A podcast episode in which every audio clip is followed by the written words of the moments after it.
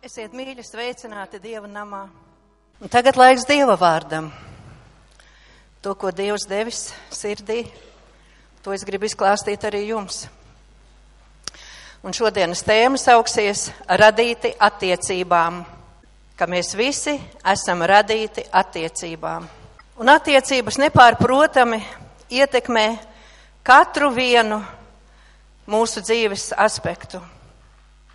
Un attiecības ir divu vai vairāku pušu kopīga sadarbība. Un attiecības mums var būt tuvākas, var būt tālākas, ir dažādi attiecību līmeņi. Un, protams, pirmkārt, mūsu attiecības ir ar mūsu radītāju, mūsu kungu un ar mūsu dievu. Un viņš radīja cilvēku Katru vienu no mums pēc sava tēla un savas līdzības. Tas nozīmē, ka viņš radīja kaut ko tik ļoti tuvu, tik ļoti savēju, tik ļoti sev pieņemamu, ka viņš gribēja šo sadraudzību, šo mīlestības attiecības ar savu radību. Un sajūstams, ka Ādamam nav labi būt vienam, viņš izveido palīgu, kas viņam atbilstu. Un, kad Dievs to izdara, un Ādams ierauga šo sievu, ko viņš ir devis Ādamam, tad Ādams iesaucas, ka šis ir kauls no mana kaula un miesa no manas miesas.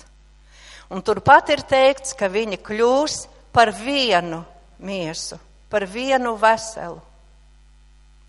Tātad par kaut ko tuvu, ļoti tuvu un nedalāmu. Dievs ar pirmiem cilvēkiem staigā pa ēdenes dārzu, atļauj cilvēkiem, zvēriem dot vārdus, saka, lai viņi kopj un sargā dārzu. Un šī sadraudzība, šī vienotība ar Dievu, ar savu radītāju, tā ir tik varana, tā ir tik brīnišķīga, ka Dieva godība viņus ietērpj. Un viņi ir gara, sadraudzības pilni, priecīgi un miera pilni, jo ēdenes dārs ir prieka un miera vieta. Un tad, kad pienāk sātans čūskas veidā kārdināt ievu, un kad Viņai liekas, ka Dievs no viņiem kaut ko labu varbūt ir noslēpis, pasakot vienu šo aizliegumu nēs no laba ļauna atziņas koka augļa. Bet, kad viņa to izdara, iekārojot, paskatoties uz to un apēdot, tad viņi izdara grēku Dievu priekšā. Viņās ienāk ļaunā sātaniskā daba. Viņa tiek atdalīta no Dieva sadraudzības. Pēkšņi tā vietā, kad viņam bija miers un prieks savā starpā, viņiem ir bailes, viņi sāk slēpties no Dieva, un viņi redz, ka viņi ir kaili.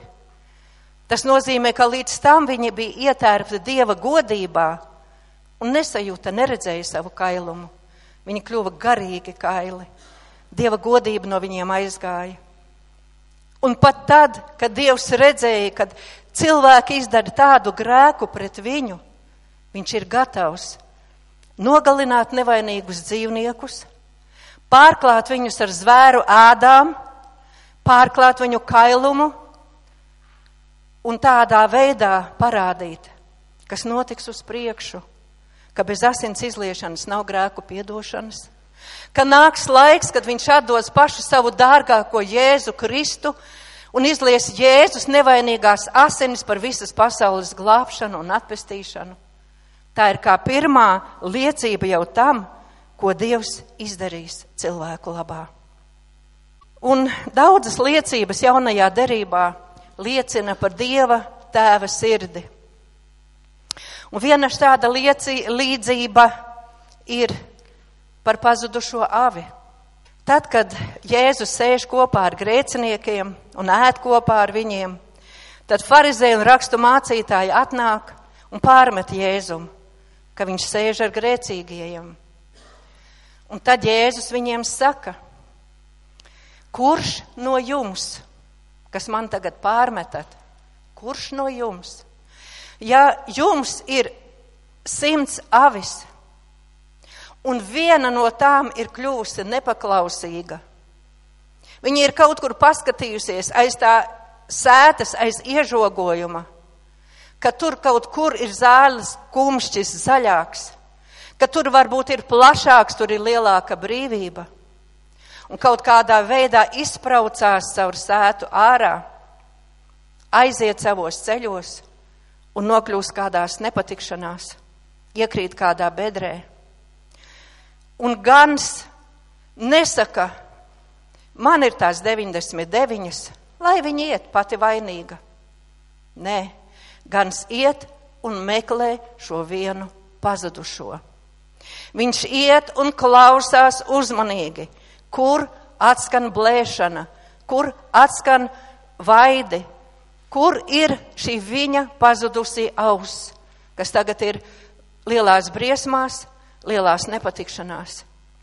Un tad, kad viņš atrod šo vienu pazudušo, viņš priecīgi liek viņu uz saviem pleciem, nes mājās un sasauc savus kaimiņus, sasauc savus draugus un saka, priecājieties ar mani kopā, jo šo vienu pazudušo avi, kas bija nomaldījusies, kas bija tik nepaklausīga, kas bija tik nepakļāvīga, es vienalga gāju pakaļ un atradu viņu un atvedu mājās atpakaļ pie visām pārējām.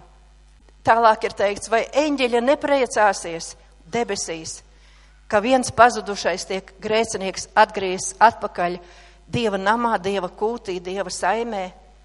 Un mēs bieži vien to izmantojam par neticīgo glābšanu. Jā, tas tā ir. Bet tās simts, viņas jau bija Dieva namā, viņas jau bija tēva aprūpē, viņas jau bija pie gana. Vienkārši nepaklausība, buntība, stūrgalvība, nepadevība lika kaut kur noklīst un nepalikt uz vietas tur, kur Dievs bija ielicis. Tāpat mēs zinām līdzību par pazudušo grasi. Desmit graši sievai, bet viņa vienu pazaudē. Un rakstīts, ka viņa izmēž visu māju, paņem gaismekli, paņem savu sveci un tik cītīgi meklē, visu iztīra, visās vietās, visās spraudziņās, kur vien viņu var atrast. Un beidzot atrod. Un atkal sasauc savus kaimiņienes, savus draudzenes un saka, priecājieties ar mani kopā, jo to vienu pazudušo grasi es atradu. Un cik daudz vairāk debesu tēvs kopā ar visiem eņģeļiem priecājas, kad atkal ir viss pilns skaits, kad atkal viss ir nomierinājies, viss ir nolīdzināts un viss ir mierā ar Dievu un ar cilvēkiem.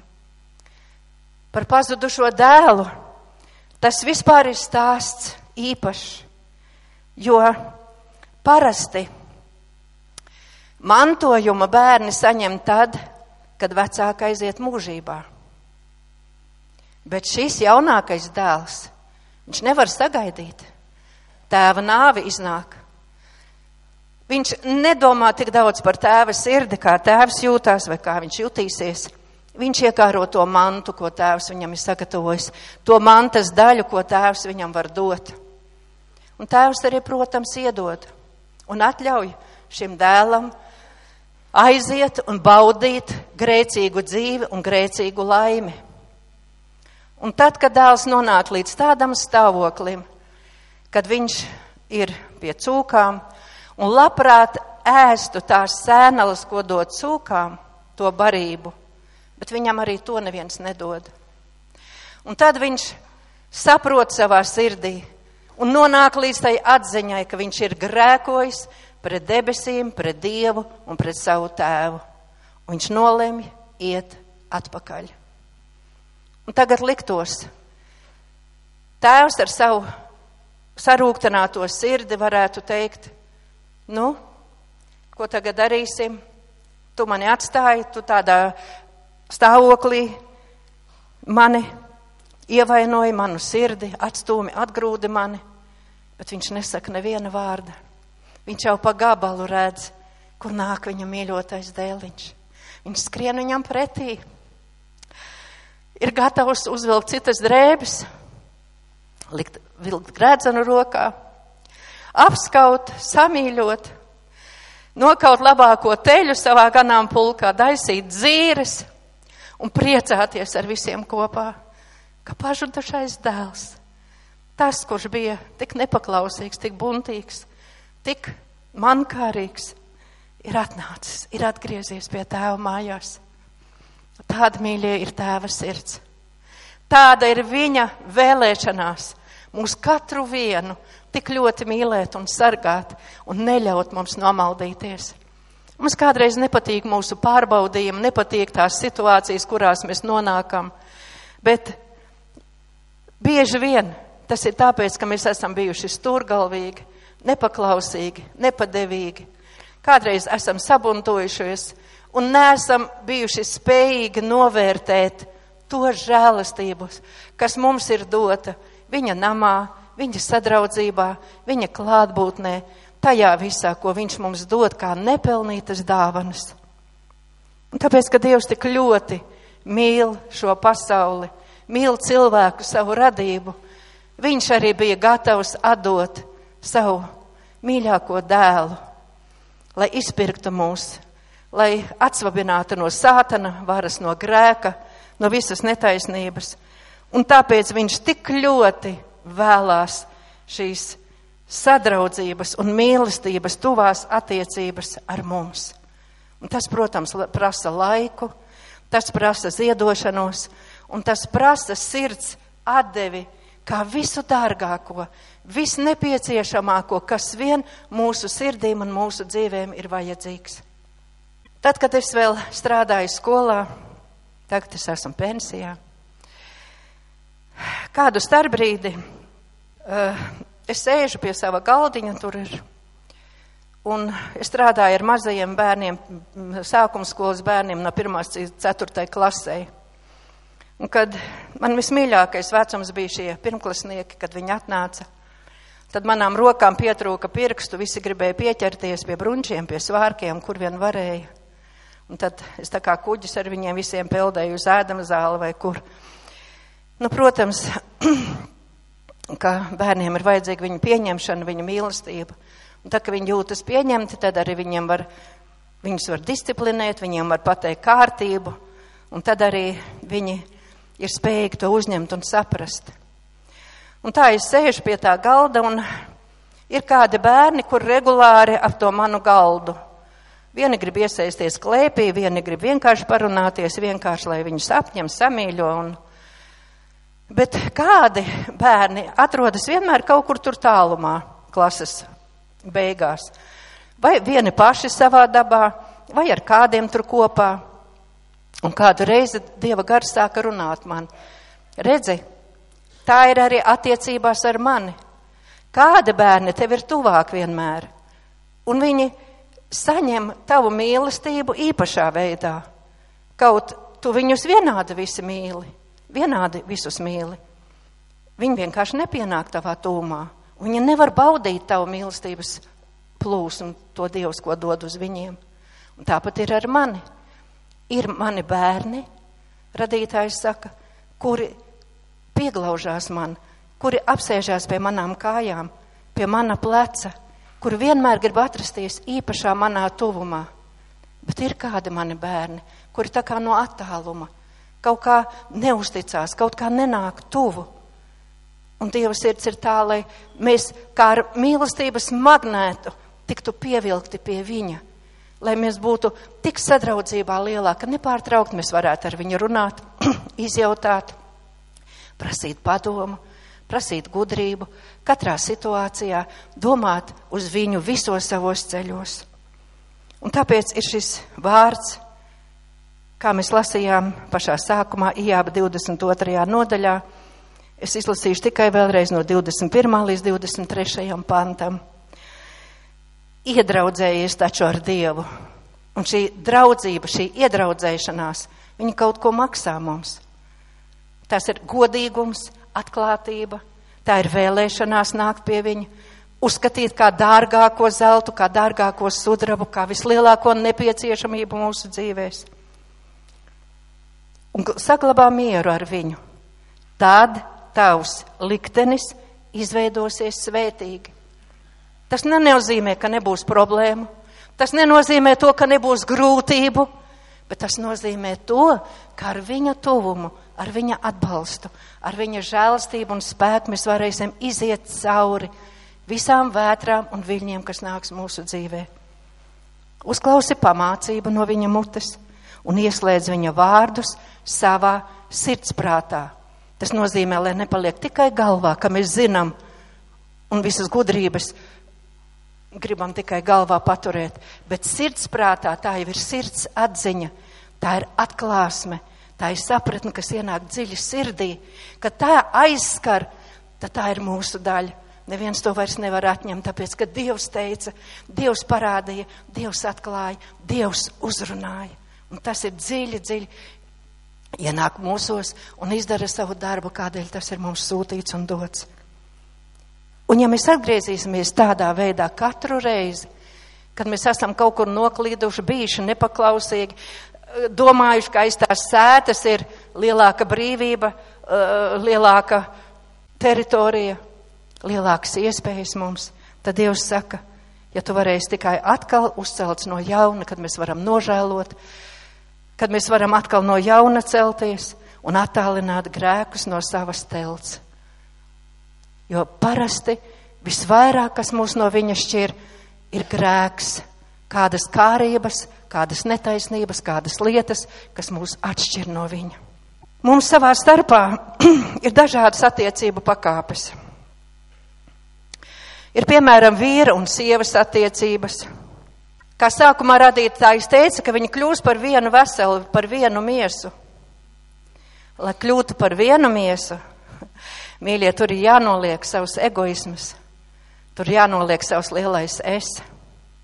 Tur jābūt cieņai, savstarpējai pieņemšanai. Tur jābūt kopā iešanai, vienprātībai un pazemībai savā starpā. Un bez dieva gara, bez dieva spēka, praktiski gandrīz tas nav iespējams. Tad ir attiecības ar kaimiņiem, ar darba biedriem, ar paziņām, lūkšanu grupās, kur jau mums izveidojas mājas grupās tuvākas attiecības. Un tad varbūt ir mums ir kādas attiecības, kur ir kādi divi, trīs labākie draugi, varbūt pat viens. Un tad šīs attiecības ir īpašas. Tās ir īpaši tuvas, un šiem dažiem cilvēkiem mēs varbūt varam atklāt to, ko mēs citiem negribētu atklāt. Mēs zinām arī kādus noslēpumus, kā saturēt un kā savā starpā tikai izrunāt un nodot tos dievam. Tad ir attiecības vecāku un bērnu starpā. Un tur ir teikts, tēvi un tāpat mātes, nekaitiniet savus bērnus. Neizsauciet viņam nevajadzīgas dusmas vai pretestību. Audziniet viņus un pamāciet būt paklausīgiem, tā kā tam kungam. Un bērniem savukārt Dievs saka, Klausiet saviem vecākiem, jo tā pienākas godā savu tēvu un māti, jo tā ir apsolījums, lai tev labi klātos un tu ilgi dzīvotu virs zemes. Un tad ir attiecības priekšnieku, pārvaldnieku un padoto starpā. Un bieži vien varbūt šīs attiecības mūsu dzīvēs ir pagrūtas un varbūt pavisam grūtas. Un pirmā pētera otrajā nodaļā, tātad pirmā pētera divi, no 13 līdz 18. Un tur ir teikts, esiet paklausīgi ik katrai cilvēku starpā ieceltai kārtībai tā kunga dēļ. Varbūt mums liekas, ka tā kārtība nemaz nav tik liela kārtība, varbūt, tā mums liekas nekārtība. Un tad pakļauties tai kārtībai un padoties tai iestādītai kārtībai, kas tur ir varbūt nemaz nav tik viegli. Ir pārvaldniekam, ir kas kā ar visiem, ir pārvaldniekiem kā tādiem, kas viņa sūtīti, lai sodītu ļaundarus, bet atalgotu tos, kas dara labu. Jo tāda ir Dieva griba, ka jūs labu darot, apklusinātu neprātīgu cilvēku nezināšanu. Kā svabadi, bet ne kā tādi, kam svabadība būtu kā ļaunuma apseks, bet kā Dieva kalpi. Turiet visus godā, mīliet brāļu saimi, bīstaties Dievu, godājiet valdnieku, nekritizējiet, nebuntojieties, neaprunājiet, bet godājiet jebkuru valdnieku. Kalpi, paklausiet saviem kungiem visā bijībā. Un te jau nu ir pavisam traki. Nevien labajiem un lēnajiem, bet arī ļaunajiem. Kā lai to izpilda? Bez dieva žēlastības, bez dieva gara spēka, bez dieva gara sapratnes, praktiski tas nav iespējams. Un atkal es gribu teikt, ir nepieciešama stūvās attiecības ar mūsu kungu. Jo tikai tur izlīdz dieva mīlestība, un tur nāk gudrība, un tur nāk dieva gara spēks. Nav citas iespējas. Tāpat efeziešiem sestā nodaļa no 5 līdz 9. Efeziešiem 6 no 5 līdz 9. Kalpi, paklausiet saviem laicīgajiem kungiem, kā kristum bijībā, un bailēs ar neviltotu sirdi. Pildiet dieva gribu kā Kristus kalpi no visas dvēseles, ne tikai acu priekšā cilvēkiem izpatikdami, bet labprāt kalpodam, it kā tas būtu jādara tam kungam un ne cilvēkiem. Jo jūs zināt, ka ik viens, ja tas dara ko labu, to pašu mantos no tā kunga, vai viņš būtu vergs vai brīvais. Tas nozīmē, ko sēsim, to arī pļausim. Un jūs, kungi, dariet to pašu viņiem, atmetiet draudus, zinādami, ka kungs debesīs ir tik labi viņu kungs kā jūsējais, un ka tas neuzlūko cilvēka ārieni. Lai Dievs mums dod piepildīt šo vārdu, saprast viņu un arī ikdienā izpildīt. Un šajās tuvajās attiecībās, lai kādā līmenī tas būtu, mēs diemžēl tiekam ievainoti un sāpināti. Bez tā mūsu dzīvēs mēs vienkārši nevaram iztikt. Tas tā notiek. Mūs ietekmē skarbi vārdi, kādi aizvainojoša, pazemojoša, apsūdzoša, dusmīga vai nosodoša attieksme.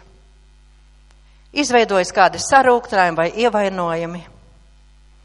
Un tad var notikt, ka mēs ieraujamies sevī, ka mēs vairs nevēlamies nekādas attiecības.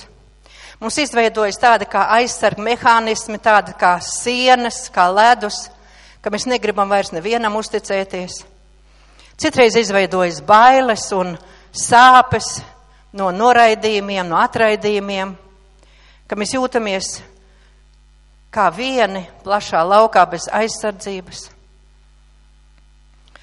Citreiz rodas strīdi, nesaskaņas, pat šķelšanās, bet Dieva vārds saka, ka lepno starpā ar vienu ir nesaskaņas.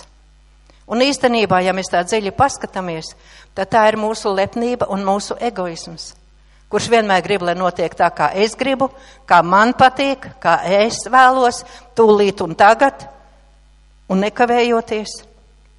Citreiz mēs zaudējam uzticību viens otram. Un tad mums ir jāpārdomā, kāda iemesli tam ir. Varbūt mēs solam un nepildam savus solījumus. Varbūt mēs kavējam regulāri to laiku vai kādus darbus neizpildam. Varbūt izpļāpājam kādus noslēpumus, ko kāds mums ir pateicis. Varbūt, ka sēžam paļātāju pulkā un aprunājam un kritizējam.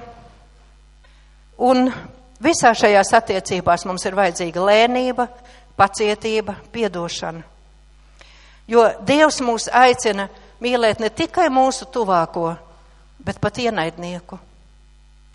Un, lai mīlētu ienaidnieku, tam patiešām ir vajadzīga sevis aizliekšana, savas vecās dabas un reakcijas nolikšana, un kopā ar svēto garu ar viņa spēku izlūkties spēju piedot, pieņemt, pārklāt un nepieminēt ļauno.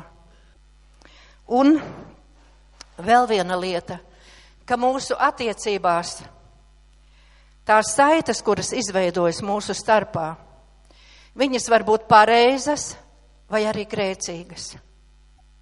Vecajā derībā Sauls vajā Dāvidu ķēniņš Sauls. Un viņa dēls Jonatāns, redzot to visu, kaut Jonatāns ir Saula ķēniņa dēls un varētu pretendēt varbūt uz ķēniņa troni, bet viņš saprot, ka Dievs izvēlējies ir Dāvidu Saula vietā. Un tur ir rakstīts, ka Jonatāna sirds saistījās ar Dāvida sirdi. Un tie viens otru iemīlēja, un Jonatānam Dāvids bija tāpat, kā viņa paša dzīvība. Un tās nebija grēcīgas saites, tās bija Dieva mīlestības dotās attiecības, jo Jonatāns bieži vien Dāvidam palīdzēja un viņa glāba no sava tēva dusmām. Bet ir kādas attiecības, kas atnes problēmas un atnes pat garīgo nāvi. Un runa ir par Simpsonu, kas atkal ir vecajā derībā, kuru Dievs bija izredzējis savai kalpošanai, devis lielu gara spēku, lielu uh, varu, varēšanu, tā ka viņš pat mm, ar žokaļkaulu nogalina tūkstošus, uznes uh, dzels vārtus kalnā un dažādā veidā izpauž savu spēku, ko Dievs viņam ir devis. Bet viņam ir viena vājība. Jau daudzās vietās mēs la lasām, ka viņš uh, saistās ar netiklēm, ar filistietēm, un sātans redzot šo viņa vājību pienes viņam, ka viņš iemīlās sievietē Delidā. Un to mēs varam izlasīt soģu 16. nodaļā. Tātad soģu 16, 4 līdz 5 un no 15 līdz 17. Un pēc tam notika, ka viņš iemīlēja kādu sievu Sorekas ielijā, un viņas vārds bija Delīla. Pie viņas atnāca filistiešu liels kungu un sacīja viņai, pierunā tu viņu, lai viņš parāda, kur viņam slēpjas viņa lielais spēks un kā mēs viņu varētu pieveikt un saistīt, lai viņu pārvarētu. Tad mēs ik viens tev dosim tūkstošu un simt sudraba gabalus. Tad viņa tam sacīja, tu gan saki, ka tu mani mīlot, bet tavas sirds nav pie manis. Trīs reizes tu man esi pievīls un neesi man pateicis, kur tavs lielais spēks slēpjas. Un kad viņa diendienā viņu ar savām runām māca un mocīja, tad viņa dvēselē tas apnika līdz nāvei, un viņš pateica tai visu, kas vien viņam bija uz sirds, un izstāstīja, ka skujamais nazis nekad nav nācis pār manu galvu, jo es esmu nazīrietis. Tātad nazīrieši bija īpaši izredzēti dieva kalpošanai. Viņi nedrīkstēja skūties, nedrīkstēja dzert vīnu, stiprus dzērienus, un, protams, nedrīkstēja dzīvot netiklu dzīvi. Un šī viena vājība, šī viena kārība, šo dieva kalpu apveltīt ar tādu gudrību un tādu spēku, noveda grēkā, ka viņš izstāstīja, kur slēpjas viņa spēks, filistieši viņu sagūstīja, izdūra viņam acis, lika griezt dzirnavas, un viņš nonāca ļoti, ļoti bēdīgā stāvoklī, ļoti lielās nepatikšanās. Un ja viņa dzīves galā Dievs nebūtu vēl apžēlojis un no jauna svaidījis ar savu spēku, kad viņa mati atauga, tad viņš būtu galīgi uh, pazaudējis visu, ko Dievs viņam bija dāvinājis. Un vēl ir kādas bezdevīgās saites un jūgi, no kurām mums būtu jāatsakās. Un tas ir otrā korintiešiem sastajā nodaļā, no 14. līdz 18. pantam. Tātad otrā korintiešiem 6, no 14 līdz 18. Nevelciet svešu jūgu kopā ar neticīgiem, jo kāda daļa ir taisnībai ar netaisnību. Kas ir gaismai kopējs ar tumsību? Kā Kristus savienojums ar Beliāru? Vai ir kāda daļa ticīgajam ar neticīgo? Kas kopējs ir Dieva namam ar elkiem? Jo jūs esat dzīvā dieva nams, kā dievs ir sacījis. Es viņos gribu mājot un viņu starpā staigāt. Es būšu viņu dievs un tie būs mani ļaudis. Tāpēc aizejiet no viņu vidus un nošķirieties no tiem, saka tas kungs, un neaiztieciet neko, kas ir nešķīsts. Tad es jūs pieņemšu, tad es būšu jums par tēvu, un jūsu būsiet man par dēliem un mētām, saka tas kungs visu valdītājs. Šeit nav runa, ka mums katrs neticīgais ir jāatstum, jāatgrūž vai jāienīst, nē. Šeit ir runa par to, ka mums nav jāpiedalās viņu grēcīgajos darbos. Viņu lietās to, ko viņa dara. Dievs saka, norobežojieties, atstājiet visu to, kas ir grēks, kas ir nešķīs un kas ir netais. Un tad es jūs pieņemšu, tad jūs būsiet mani dēli, manas meitas, un tad jūs varēsiet būt sadraudzībā un attiecībās ar mani. Savstarpējās attiecībās ir vajadzīga arī sevis pieņemšana. Jo ir teikts, ka mīli savu tuvāko kā sevi pašu. Un kādreiz ir problēmas, ka mēs sevi nemaz nevaram mīlēt. Ja mēs redzam tās sliktās lietas, ko mēs kādreiz izdarām, vai spējam sev piedot savas kļūdas, kuru dēļ mums ir bijis varbūt kāds kauns, nepatikšanas, kāda izgāšanās. Mums jāpiedod un jāmācās piedot arī sev, tā kā Dievs mums piedod, ja mēs lūdzam Dievam piedošanu. Vai mēs pieņemam savu izskatu, savu matu krāsu, savu ķermeni, tādi, kādi mēs esam? Vai mēs pieņemam savu novecošanos, savu gadu dēļ, kad Dievs saka, ārējais diena no dienas sadilst, gribam mēs to vai negribam, bet iekšējais cilvēks dienu no dienas atjaunojas, un tur mēs neko nevaram darīt. Tā tas ir. Visās mūsu attiecībās ir vajadzīga atklātība, godīgums un atvērtība. Jo nekas, tas, kas apslēpts, viņš netiks neiznest gaismā. Un tas, kas nav redzams, viņš tiks iznests, viņš tiks atklāts.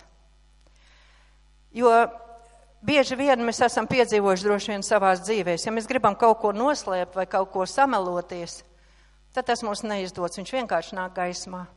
Tāpēc labāk būsim godīgi un atklāti, jo tā kā tā tas tiks atklāts.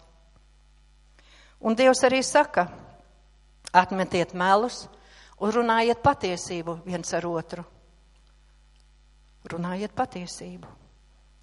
Jo mēs savā starpā esam locekļi. Tad mums varbūt ir jāpaskatās un jāpārdomā, vai mēs varam un, protams, citus uzklausīt. Un Dievs saka, lai ik viens ir čakls klausīties, kūtrs runāt un kūtrs dusmoties. Kā mums katram ir ar šīm lietām? Bieži vien mums rodas pārpratumi, ka kāds mums kaut ko saka, bet mēs to viņa sacīto izprotam pavisam citādāk. Mēs varbūt uztveram to tā, kā viņš nemaz varbūt nedomāja. Tad mums rodas problēmas. Un tad varbūt mēs varam labāk, ja mēs ko nesaprotam līdz galam, pārjautāt, vai tu tā tiešām domāji, kā es sapratu? Šī cenšanās parādīt savu taisnību, ka mēs tikai esam pareizi un patiesi, bieži vien parādās, ka nemaz tas tā nav. Jo mēs uz lietām varam skatīties katrs no savas puses. Jo, piemēram, ja mums būtu šeit liels cipars seši, Tad tas, kas stāvētu šī pusē, viņš teiktu, nē, tas nav seši, tas ir deviņi. Otrs teikt, no šīs puses, no šī viedokļa skatoties, tas ir seši. Un uz līdzenas vietas mēs varam sākt strīdēties, pierādīt savu taisnību, un beidzot izrādās, ka abiem ir taisnība, vai nav nevienam taisnība. Tā arī var būt. Kādreiz ir tā, ka mums ir grūti saprast citu stāvokļus vai citu vajadzības vai tās situācijas, kurās ir nonācis kāds. Tāpēc, ka mēs paši neesam gājuši tam cauri, mēs paši neesam to piedzīvojuši. Un tāpēc ir teikts, ka žēlastības tēvs un iepriecināšanas dievs mūs iepriecina mūsu bēdās. Ja ir kādam kādas bēdas, lai mēs varam iepriecināt ar to iepriecu, ko paši saņēmuši no Dieva. Tas nozīmē, ja mēs esam izgājuši tādām situācijām cauri, tad mēs daudz labāk varam saprast kādu, kurš patreiz arī iet cauri tādai situācijai. Un, protams, jo vairāk mēs pieaugam Dievā un attiecībās ar Dievu, jo nāk lielāka brīvība arī mūsu attiecībās. Jo mūsu sirdīs, sēžot Dieva klātbūtnē, tiek izlieta dievišķā mīlestība. Jo ar savu cilvēcisko mīlestību mēs nevaram nevienu īsti mīlēt. Jo tikai šī dievišķīgā, šī pārdabīgā mīlestība ir vienīgā, kas visu panes, visu tic, visu cer.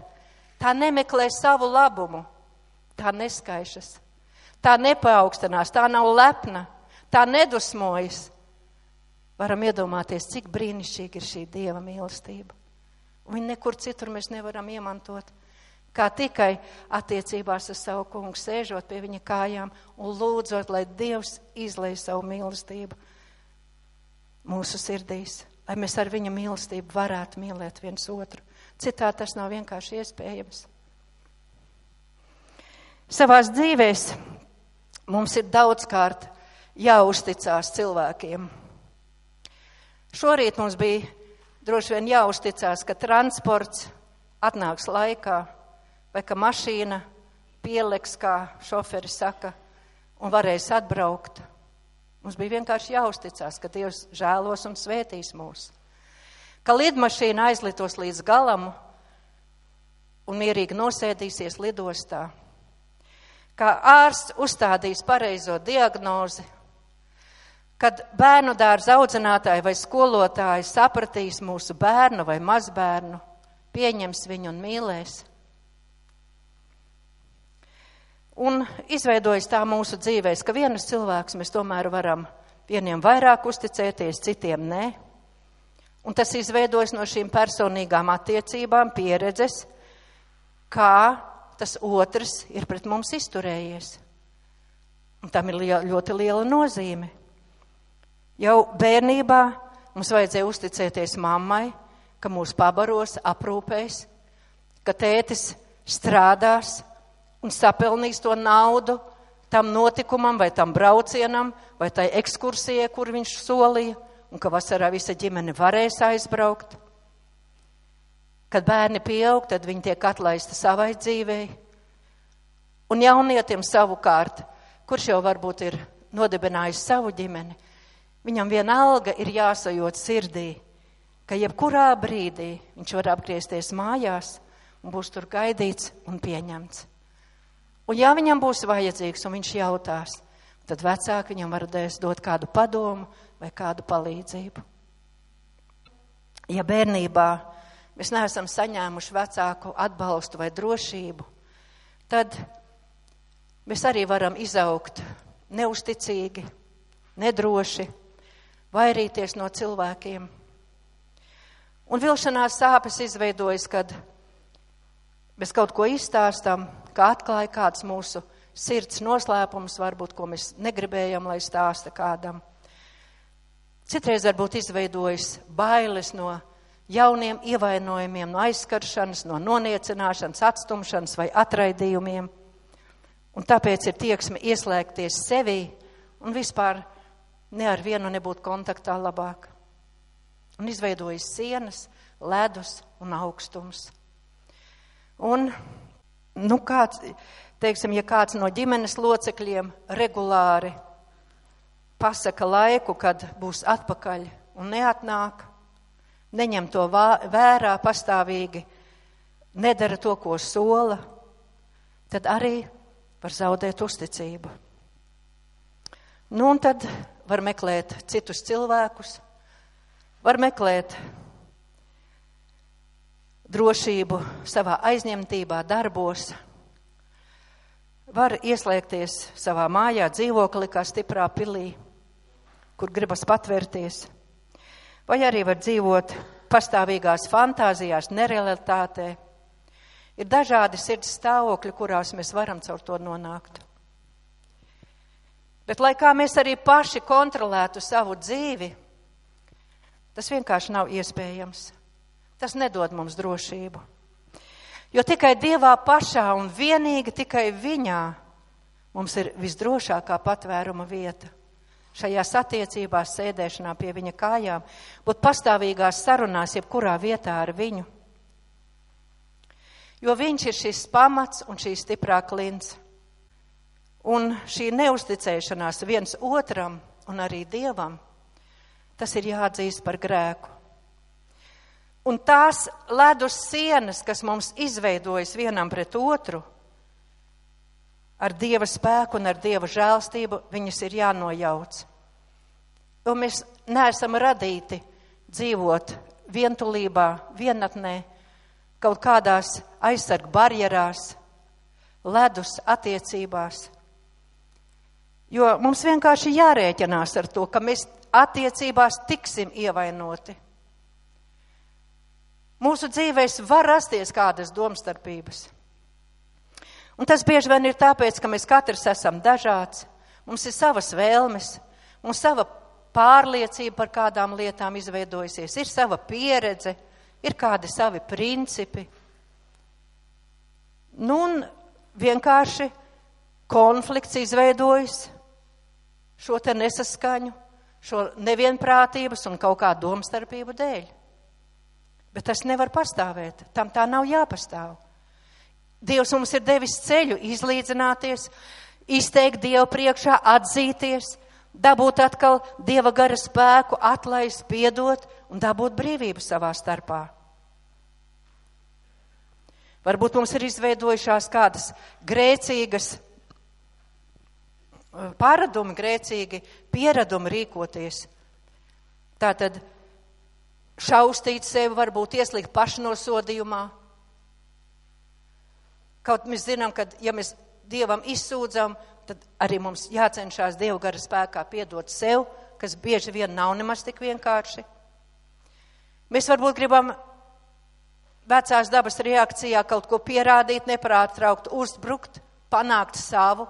Varbūt mēs esam tādi savās dzīvēs, ka mēs gribam nepārtraukti pārmest, atgriezties atkal un atkal pie tā nodarītā, kad Dievs jau sen ir piedevis nošķīstījis, nomazgājis, kā tautā saka, zāģēt viens otru un pieminēt, ka Dievs saka, ka viņš nepiemin ļaunu.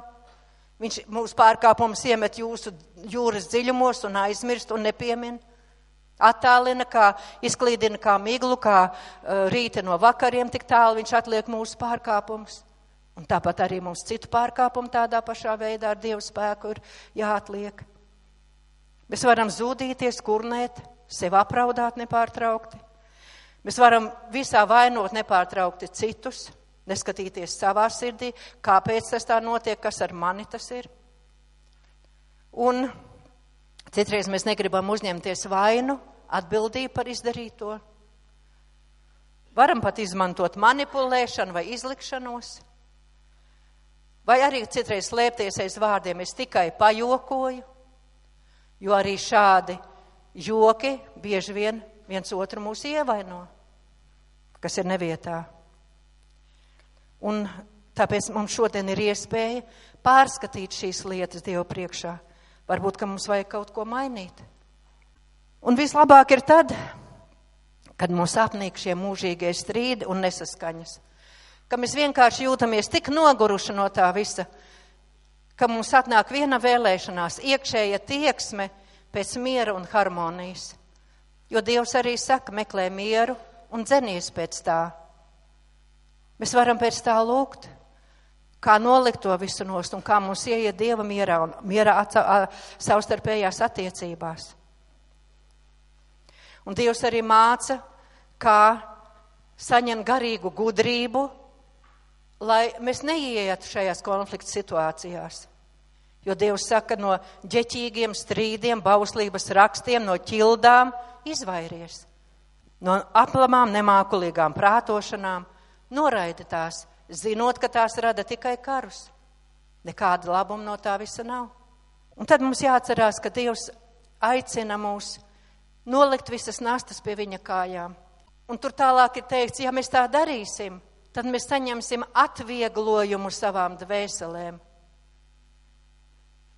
Citreiz ir tā, ka mēs nesājamies ar tām savām nastām. Mums ir smagums sirdī, mums ir grūtības kādas. Bet kaut kādā veidā mums tas iekšā ir, bet mēs neprotam vai nevaram iznest Dievam laicīgi un izteikt viņam. Jo tad, kad mēs atzīstamies, Dievs saka, tad viņš ir uzticams un taisns un piedod. Kad es klusēju, mani kauli panīka, man bija jāvaid cauru dienu psalmā ir teikts. Bet tā, kad es atzinos, kad es izsūdzīju, kad es izstāstīju viņam, tad viņš man piedeva. Atnāca vieglums, atnāca brīvība, atnāca dziedināšana. Un Dievs māca neturēt to savā sirdī. Atlaist un piedot. Atlaist pārdarītājs piedošanas brīvībā. Jo mocības ir mums pašiem. Tas otrs varbūt nemaz to neizjūt, kā mēs ciešam. Cik mums ļoti sāpēja, cik ļoti mani tas ievainoja. Bet Dievs saka, piedodiet, ja jūs nepiedodiet, es jums nevaru piedot. Un tur ir Mateja 18. nodaļā ir teikts, ka, uh, ka tas, kas nepiedeva, viņš tika nodots mocītājiem. Un nav lielākas mocības mūsu dvēselēs, mūsu sirdīs, jo mums iekšā ir rūgtums un nepiedošana. Tie patiešām ir demoniskie mocītāji gari, kas spiež uz mūsu prātu, mūsu domām, kas dod mums šīs te sāpes, ciešanas, ļaunumu, atriebību, visādas ļaunas domas par šo situāciju. Nav grūtāka, briesmīgāka stāvokļa mūsu dzīvēs. Un tāpēc mums nepieciešams nožēlot savas nepareizās reakcijas, piedot sev, kā Dievs mums piedod, un atlaist arī citu parādu rakstus jo tad nāk atvieglojums mūsu dvēselēm. Un vēl ir viena lieta. Mēs varam teikt, es tev piedevu. Un patiešām mēs it kā esam piedevuši sirdī. Bet ļoti svarīgi ir pieņemt šo pāri darītāju atpakaļ savā sadraudzībā. Svētījot viņu, dodot viņam svētības vārdus un vēlot visu to labāko. Jo šī siena, šis ledus, kad es ar tevi vairs negribu satikties, un man, es tev piedodu, bet es tev vairāk negribu zināt, es negribu nekādu tuvību ar tevi, es neko kopā negribu ar tevi darīt un iet ar tevi. Tas nav līdz galam pareizs piedošanas sirds stāvoklis. Jo dojas piedod, un nepiemin vairs ļaunu. Viņš vairs neatceras, iemet jūras dziļumos mūsu grēkus. Un tas ir tas, kā Dievs vēlās, lai Dieva mīlestība tik izlieta mūsu sirdīs, ka mēs šo te cilvēku atkal varam pieņemt no jauna, tādā pašā stāvoklī, it kā viņš neko mums nebūtu ļaunu izdarījis. Tā ir dievišķā uzvara, tas ir dieva gara spēks par mūsu miesu, par mūsu egoismu, par mūsu lepnību Tad ir īstā gara uzvara un tad ir gara prieks mūsu sirdīs, ka Dievs ir palīdzējis tā nokārtot šīs lietas. Un ja ir bijis atklāts konflikts, tad patiešām mums ir jāiet un jāizlīdzinās ar šo cilvēku.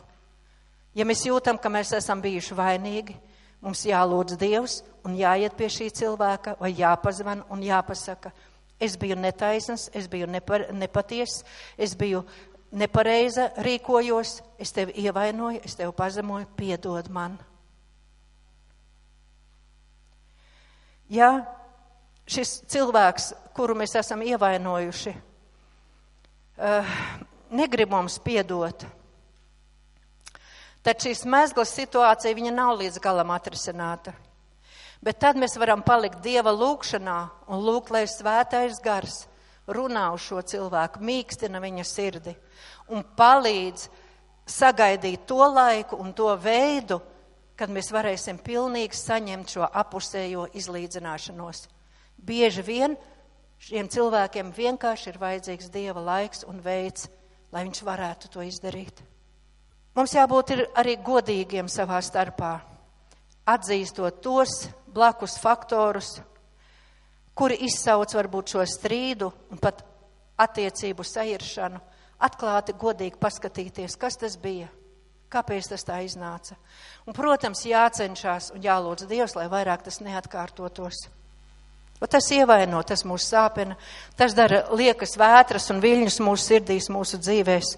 Un īstenībā mums tas bieži vien nav vajadzīgs. Varbūt mūsu dzīvēs ir vajadzīga kāda kompensācija, par nodarīto zaudējumu. Varbūt mēs esam sabojājuši kādu īpašumu. Varbūt mēs esam kaut ko izšķērdējuši ne, neliederīgi.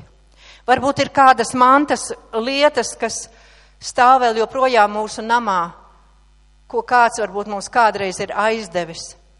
Vai varbūt ir kāda lieta, ko mēs esam paņēmuši un kura nav mūsu, kur jāsteidza sadot un lietas nokārtot savā dzīvē. Un tāpēc šodien šis vārds ir par to, lai mēs pārskatītu savas dzīves, savas attiecības, gan cilvēku, gan Dieva priekšā. Un, ja mēs paskatāmies, ko Jēzus izdarīja pie krusta, kā viņš parādīja šo augstāko uzticības paraugu, lūdzot par saviem pāridarītājiem.